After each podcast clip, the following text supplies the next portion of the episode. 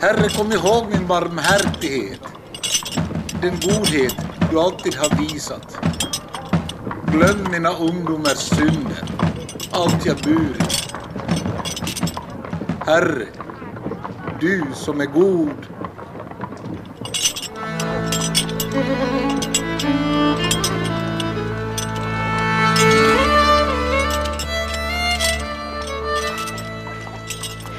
Under 1800-talet skickas tusentals personer iväg till Sibirien på straffarbete och de som gjort de värsta brotten tvingas arbeta i gruvorna. Dödligheten är hög och många kommer inte ens ända fram innan de dör. Det är dåligt med mat och kläder och sjukdomar sprider sig snabbt.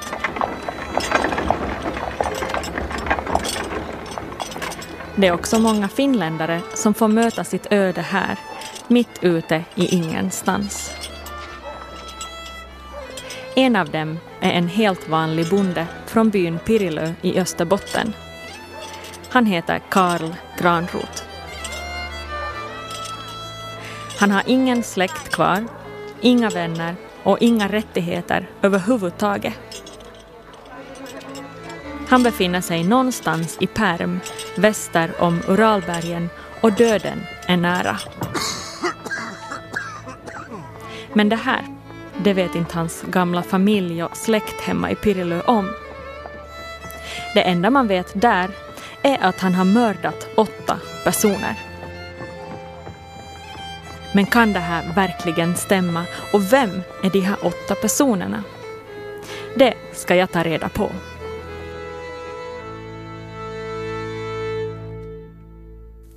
Du lyssnar på Morden i Pirilö, en svenska Yle-podcast och jag heter Ann-Katrin Granroth. Det här ljudet du hör är mina fotsteg när jag går omkring på en gammal husgrund. En husgrund som ligger på gården där jag växte upp, i Pirilö utanför Jakobstad. Här växer bärbuskar och syrener och det enda som vittnar om det gamla huset är stenfoten. Följer du den kan du tänka dig hur rummen varit indelade med kök, sovrum och storstuga. Huset som en gång stod här var innan det revs Pirilös äldsta hus, byggt redan på 1700-talet. Det här huset skulle kanske ha stått kvar om det inte har varit för Karl Granroth, mer känd som Pirille Karl. I mitten av 1800-talet så bodde han i det här huset och hans gärningar ska bli sådana man pratar om långt efter hans död.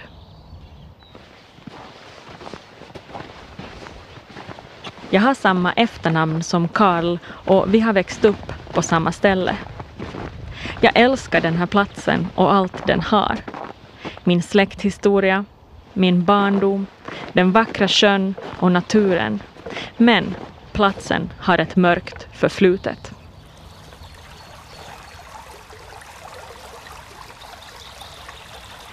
Inte så långt ifrån vårt hus finns en bäck. Och redan när jag var barn fick jag höra historien om barnen som dog där i bäcken.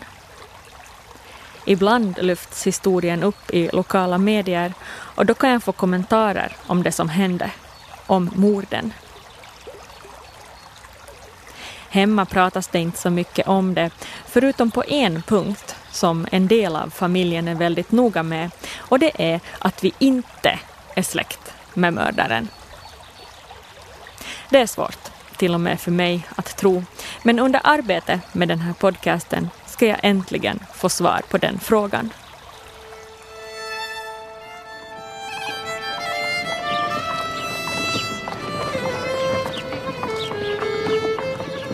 Den här historien utspelar sig under mitten av 1800-talet. Det är en tid när Finland är storfurstendömet Finland. Vi är underställda den ryska kejsaren men får ändå bestämma ganska mycket själva. Vi har en långtgående autonomi. Karl Granroth kommer från en framstående släkt som tidigare bestått av präster, riksdagsmän och häradsdomare. Karls farfar var till och med med vid Borgolantdag 1809 när det bestämdes att Finland skulle vara en del av Ryssland.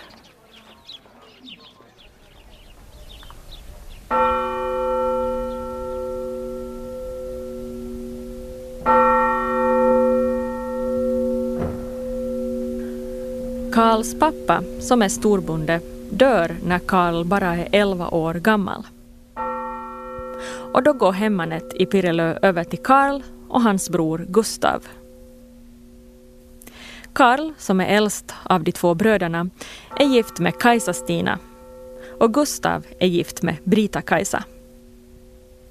De bor alla tillsammans i brödernas barndomshem. Nästan alla som bor på Pirilö härstammar från samma släkt, från Karl Granrots förfäder. Vid det här tillfället finns det runt fem stora bondgårdar på halvön.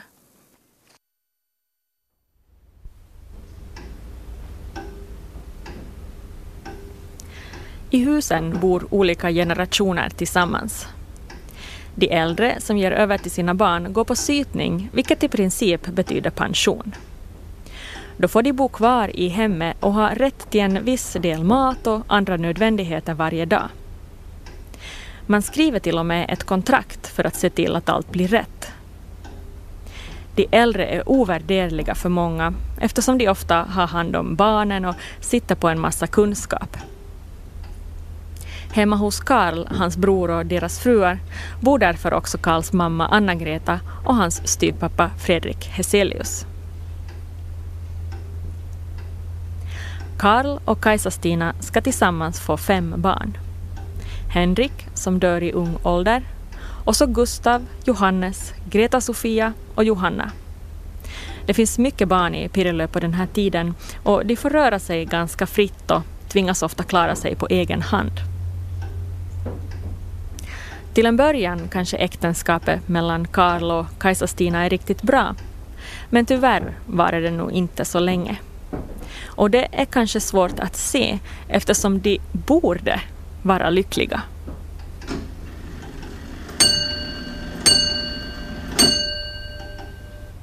På den här tiden är religion en stor del av livet och utåt sett är Karl en god, troende man med en vacker sångröst. Han sjunger ofta salmer och läser andliga texter som hjälp om någon är sjuk eller mår dåligt.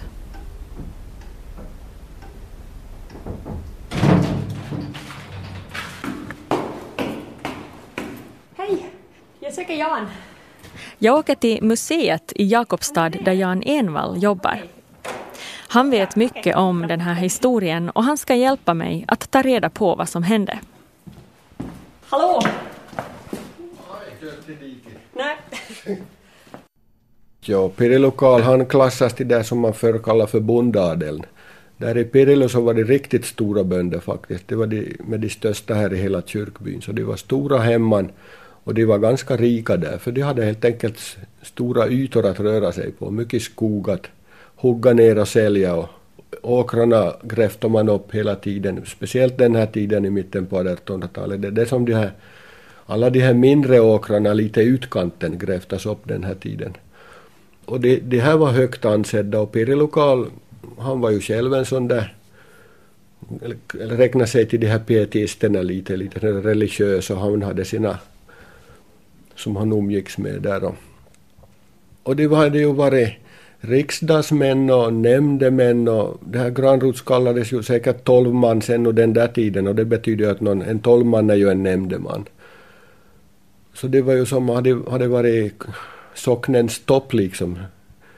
När man säger då att, att Karl är läsare och pietist, vad innebär det?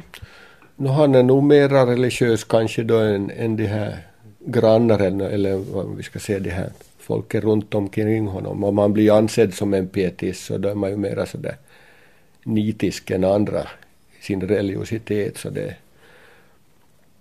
så han verkar ju ha varit åtminstone utåt en sån där, gav sken av att vara väldigt religiös.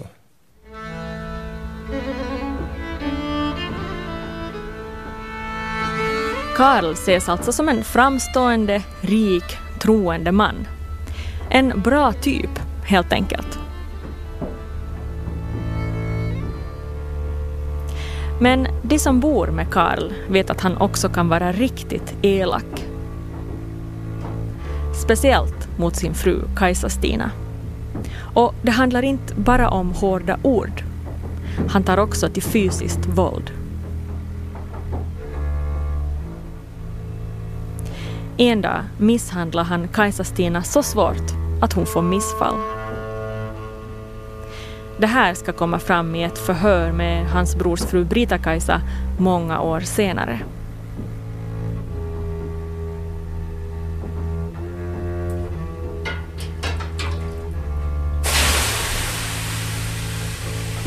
En annan sak som ska komma fram i offentligheten långt senare är att Karl och broderns hustru Brita-Kajsa hyser känslor för varandra. En kväll i den gemensamma bastun går det för långt och de är otrogna med varandra. Ingen vet om att det har hänt. Det tror i alla fall Brita-Kajsa och Karl, men det är inte mycket som undgår tjänstefolket i det här huset.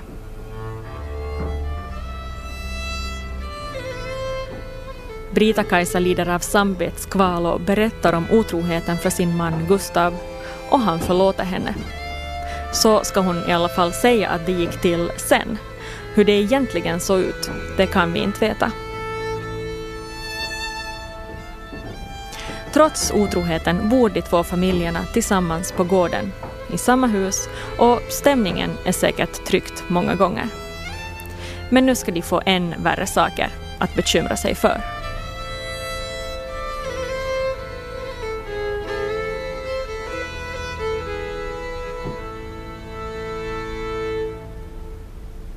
I slutet av 1854 väntar både Kajsa-Stina och Brita-Kajsa barn. Karls hustru, Kajsa-Stina, klagar länge över att hon är sjuk på grund av graviditeten. En annan sak som bekymrar henne är att hon fått skrämsel, alltså lider av psykiska men, efter anfallet i Gamla Karleby. Under den här tiden pågår nämligen Krimkriget och det drabbar också Österbotten.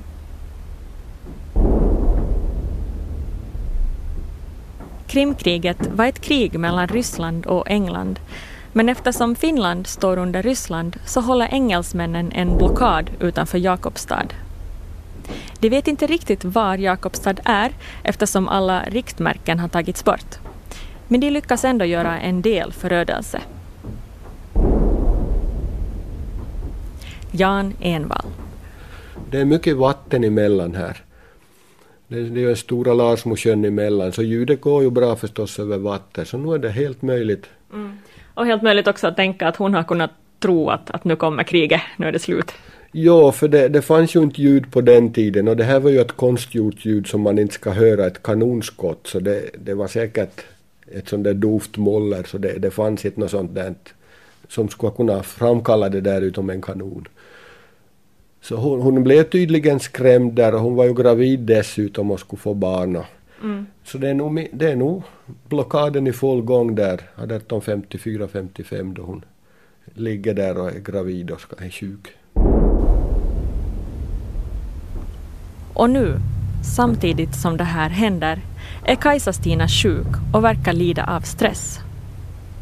Karl erbjuder sig att åka in till staden för att köpa medicin hon säger att det inte är nödvändigt eftersom hon är säker på att hon blir bra igen bara hon får föda fram barnet.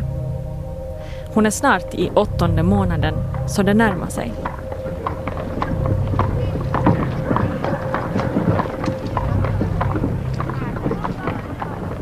Karl tycker det är trist att Kajsa-Stina ska vara krasslig, så han går ändå iväg och köper medicin.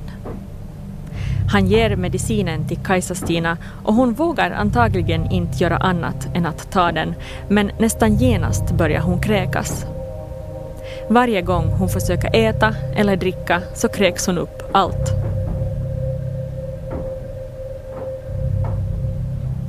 Karl ger henne mer medicin, men den tycks inte fungera. Han sitter vid hennes sjukbädd så ofta han kan och läser i Bibeln och sjunger salmer. Efter en tid säger han till resten av sin familj att hon antagligen nog kommer att dö. Och det gör hon. Tre dagar efteråt, den andra i tolfte 1854, dör hon oväntat i svåra plågor. Händelseförloppet går så snabbt att de närliggande gårdarna inte ens hinner få veta att hon har blivit sjuk.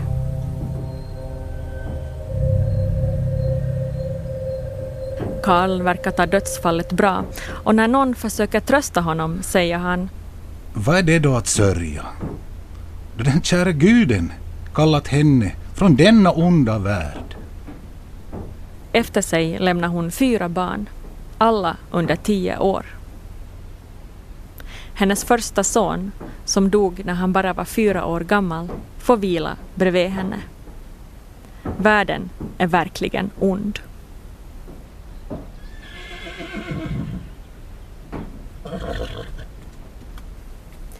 Och det onda ska inte ta slut här.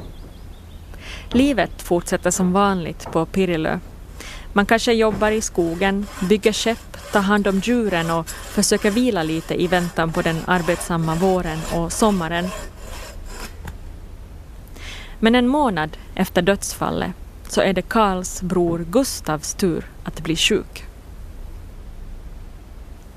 Gustav klagar på magsjuka men efter att ha tagit medicin han får utskrivet av en läkare börjar han må bättre.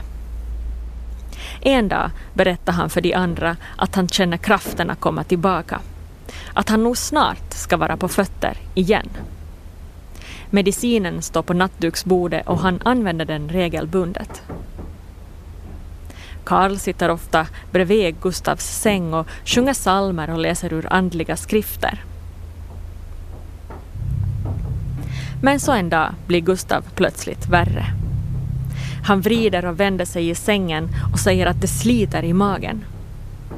När man försöker ge honom mat eller vatten kräks han genast upp allt. Tillståndet blir värre och värre. Brita-Kajsa sitter bredvid sin make men går ut ur rummet en stund. När hon är borta blir tillståndet riktigt allvarligt men när hon vill in i rummet igen så håller Karl för dörren. Hon bankar på dörren men Karl säger att hon måste hålla sig borta eftersom hon är gravid. Strax efter tar Gustav sitt sista andetag. Han är 28 år när han dör och han lämnar efter sig sin treåriga son Henrik och sin gravida hustru Brita-Kajsa. Det är nyårsafton, den 31 i 12 1854. Nästan exakt en månad sedan Karls fru Kajsa-Stina dog. Också sjukdomen verkar vara exakt densamma.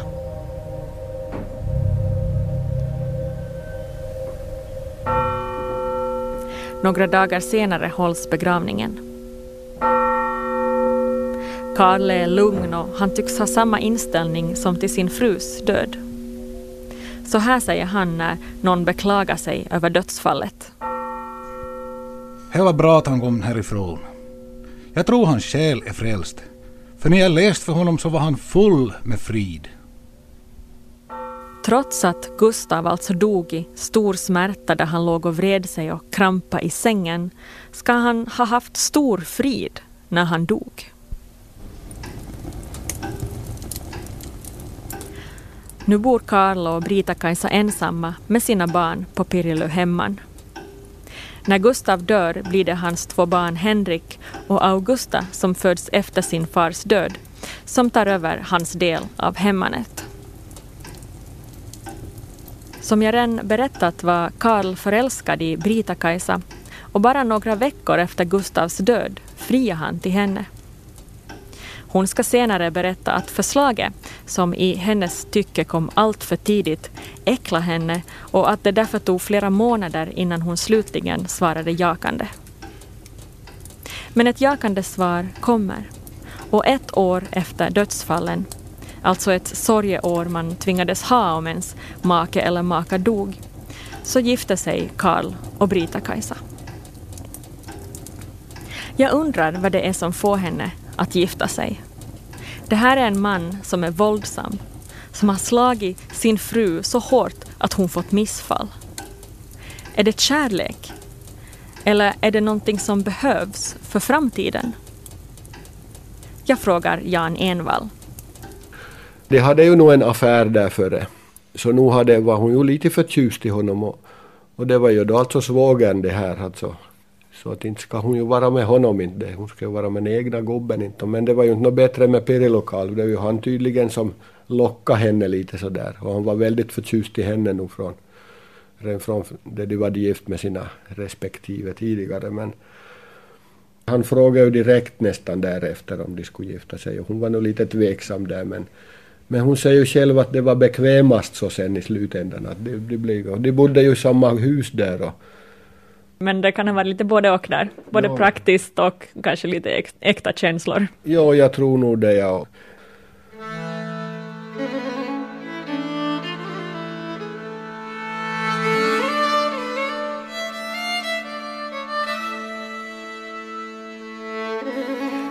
Efter ett tag får Karl och Brita-Kajsa ett gemensamt barn som de döper till Matilda. Och nu så kunde kanske historien sluta här. Och så levde de lyckliga i alla sina dagar. Huset jag pratade om i början kanske fortfarande skulle stå kvar och ingen skulle komma ihåg Kajsa Stinas och Gustavs hemska öden. Men så är det inte. Den här historien har bara börjat.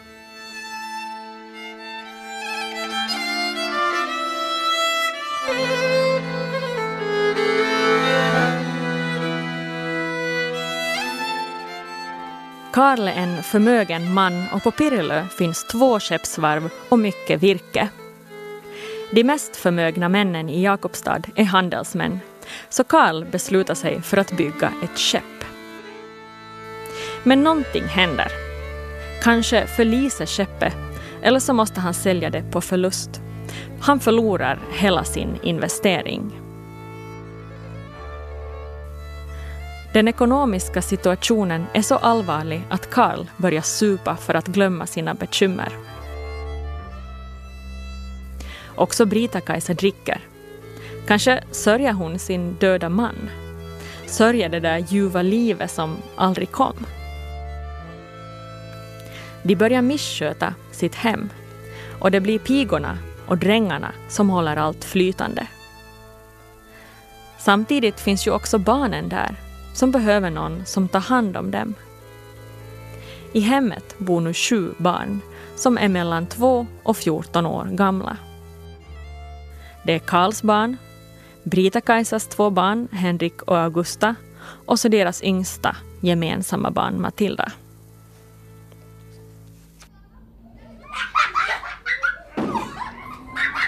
Det blir ofta så att de äldre tar hand om de yngre och de allra minsta får kanske vara med sin farmor. Till kvällen är det pigorna som ser till att de kommer i säng.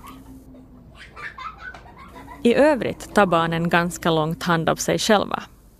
De driver omkring i stora flockar. Till och med Henrik och Augusta, som bara är åtta och fyra år gamla, hänger med. Och skulle barnen göra någonting dumt är det smisk som gäller. Med hjälp av stryk lär sig barnen vad som är rätt och fel. Det tror man då. Barnen har också förmyndare som ska se till att deras arv förvaltas på rätt sätt. Karl och Brita-Kajsa får alltså inte bestämma över barnens pengar och del av hemmanet. Och det här ska spela en viktig roll i det som snart ska hända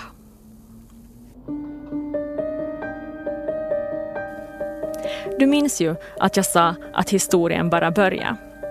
Vi ska nu komma fram till den händelse som gör att Karls och Brita-Kajsas liv tillsammans blir allt annat än lyckligt.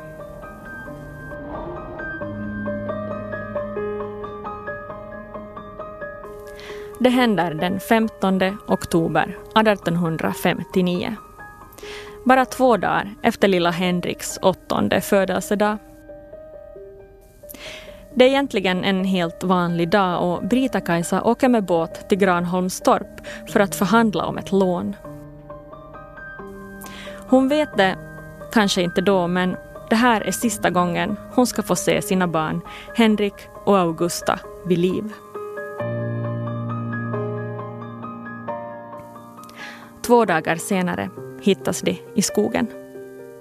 De ligger vid Hemträskbäckens mynning med sina huvuden nedtryckta i gyttjan. 450 meter från sitt hem. Vad var det som hände med barnen? Det får du veta i nästa avsnitt. Jag heter Ann-Katrin Granroth och det här är en Svenska Yle podcast.